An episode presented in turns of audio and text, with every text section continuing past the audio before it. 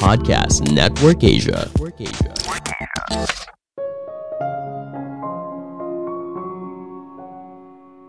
Mimpi yang besar bukan hanya sebuah visi, tapi harus diterjemahkan ke dalam strategi hingga aksi nyata untuk mewujudkan mimpi tersebut jadi kenyataan.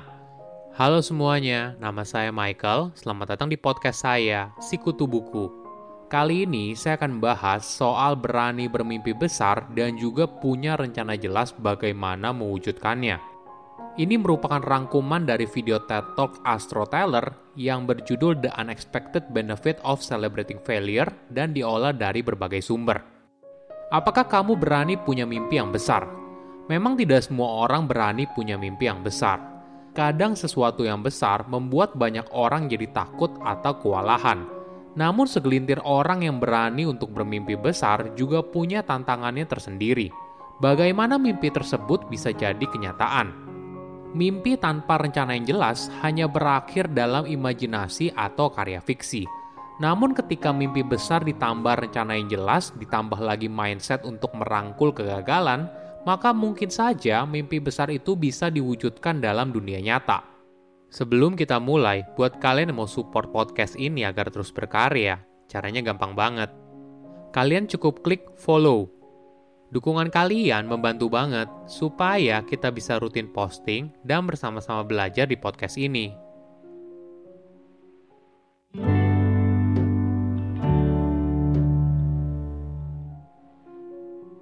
Pada tahun 1962, Presiden Amerika Serikat John F. Kennedy berbicara soal mimpi besarnya. John punya mimpi akan menerbangkan astronot Amerika ke bulan pada akhir dekade tersebut – dia berkata, kita memilih untuk pergi ke bulan dalam dekade ini dan melakukan hal yang lain. Bukan karena hal itu mudah, tapi karena hal itu sulit. Saat itu, tidak ada yang tahu kalau hal tersebut mungkin. Tapi John bersikukuh kalau sudah ada rencana dan apa yang ditargetkan akan terwujud. Maklum saja, pada masa itu tidak ada baju astronot, komputer untuk navigasi luar angkasa, dan sebagainya Inilah yang menjadi asal muasal sebuah ide besar sering kali dikatakan sebagai moonshot. Namun sebuah mimpi yang besar tidak hanya berakhir sebagai mimpi atau sebuah visi, tapi harus diturunkan ke dalam strategi hingga akhirnya ada aksi nyata untuk mewujudkannya. Ketika bicara soal mimpi besar, mungkin ada perusahaan yang menarik, pada tahun 2010, pendiri Google memutuskan untuk menciptakan sebuah divisi baru dalam perusahaan yang bekerja dalam proyek mimpi yang besar atau ibaratnya sebesar proyek untuk menerbangkan manusia ke bulan. Divisi itu dikenal sebagai Google X dan pada akhirnya berhasil menjadi perusahaan sendiri bernama X Company. Mereka punya tujuan besar yaitu menciptakan terobosan teknologi untuk menjawab masalah terberat yang dihadapi dunia saat ini – dalam waktu 10 tahun, perusahaan ini berhasil merintis ratusan proyek moonshot, dan beberapa di antaranya berhasil menjadi bisnis mandiri. Apa rahasianya? Membuat sebuah terobosan 10 kali lipat lebih baik bukan hanya sekedar 10% lebih baik. Mindset ini akan mengubah pola pikir mereka saat menjawab sebuah masalah. Di balik X Company ada seorang bernama Astro Teller. Dia menjabat sebagai Captain Moonshot Factory di X Company Astro bertanggung jawab untuk mewujudkan berbagai proyek mimpi menjadi kenyataan.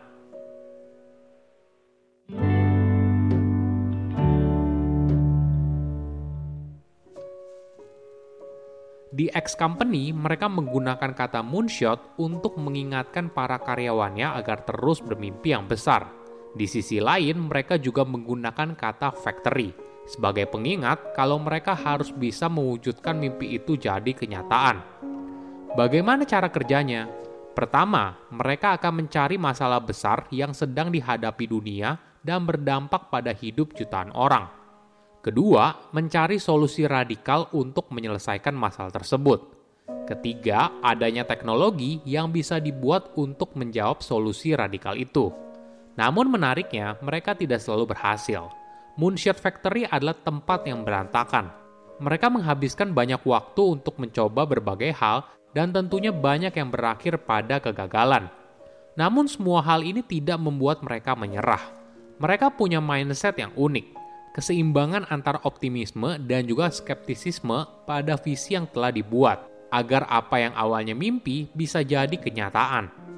Astro mencontohkan sebuah proyek pertanian vertikal otomatis. Satu dari sembilan orang di dunia menderita kekurangan gizi. Ini merupakan proyek ambisius yang bisa membuat dunia menjadi lebih baik Pertanian vertikal hanya menggunakan air 10 kali lebih sedikit dan lahan 10 kali lebih sedikit daripada pertanian konvensional. Selain itu, dengan pertanian vertikal, kamu bisa menanam dalam jarak yang dekat, jadi tidak perlu lagi ongkos transportasi yang mahal. Awalnya mereka sudah menghasilkan kemajuan yang pesat, mulai dari mesin panen otomatis hingga pencahayaan yang lebih efisien.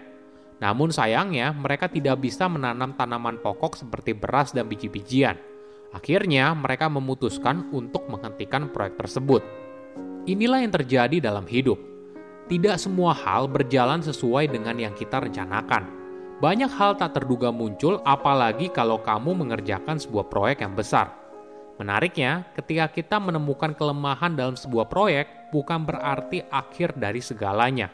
Kadang hal ini malah bisa membantu kita menemukan jalan lain yang lebih baik.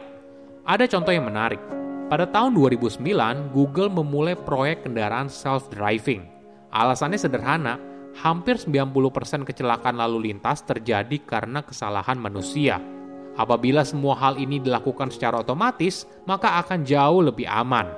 Pada tahap awal proyek, mereka menciptakan prototip tanpa kemudi setir atau pedal rem. Ternyata ide tersebut pada masa itu dianggap sebagai ide yang buruk. Tanpa kemudi setir atau pedal rem, pengendara akan mengalami kesulitan ketika harus mengambil alih saat keadaan darurat. Kondisi ini membuat mereka jadi tidak siap. Kenyataan tersebut menciptakan sebuah krisis yang besar bagi tim. Hasilnya, mereka harus kembali lagi mengulangnya dari awal. Kali ini dengan perspektif yang berbeda. Mereka harus melihatnya dari sisi penumpang. Apa sih yang diinginkan oleh penumpang? Ternyata, sesederhana sebuah kendaraan yang bisa mengantar mereka dari titik A ke titik B secara otomatis. Perspektif ini yang menjadi jangkar untuk pembaharuan berikutnya. Hingga pada tahun 2015, mereka berhasil menciptakan kendaraan otomatis yang berhasil dites langsung di jalan.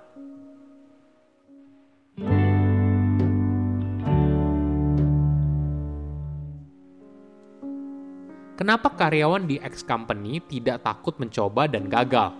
Mungkin semuanya berujung pada budaya perusahaan. Ini yang unik dan berbeda dengan perusahaan yang lain.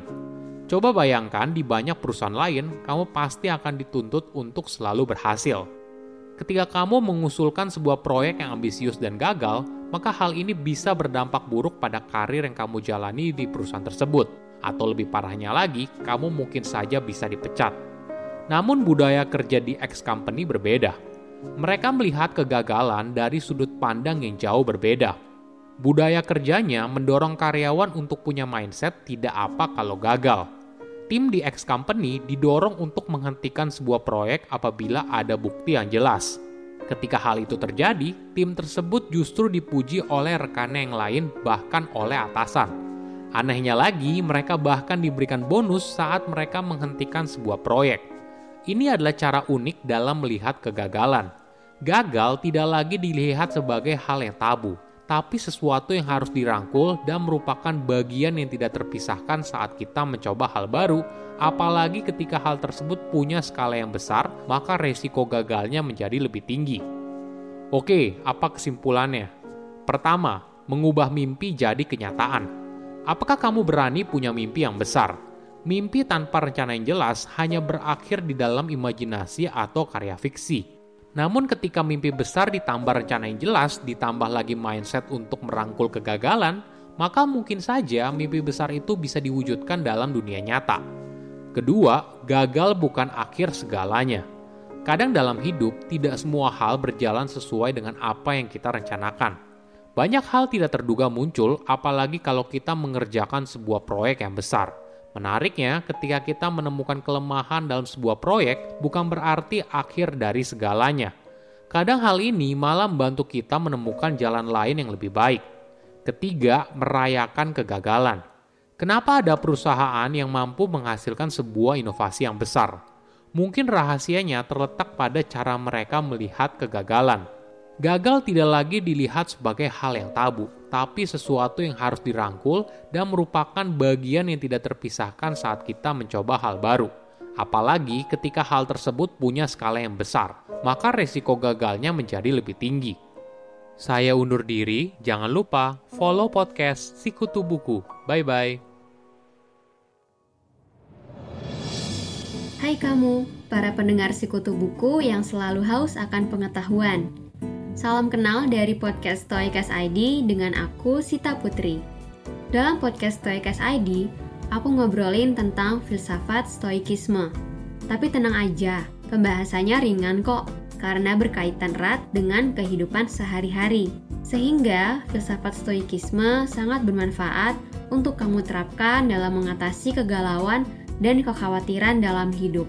Aku tunggu kamu di podcast Stoikas ID ya. Pandangan dan opini yang disampaikan oleh kreator podcast, host, dan tamu tidak mencerminkan kebijakan resmi dan bagian dari podcast Network Asia. Setiap konten yang disampaikan mereka di dalam podcast adalah opini mereka sendiri dan tidak bermaksud untuk merugikan agama, grup etnik, perkumpulan, organisasi, perusahaan, perorangan, atau siapa pun dan apa pun.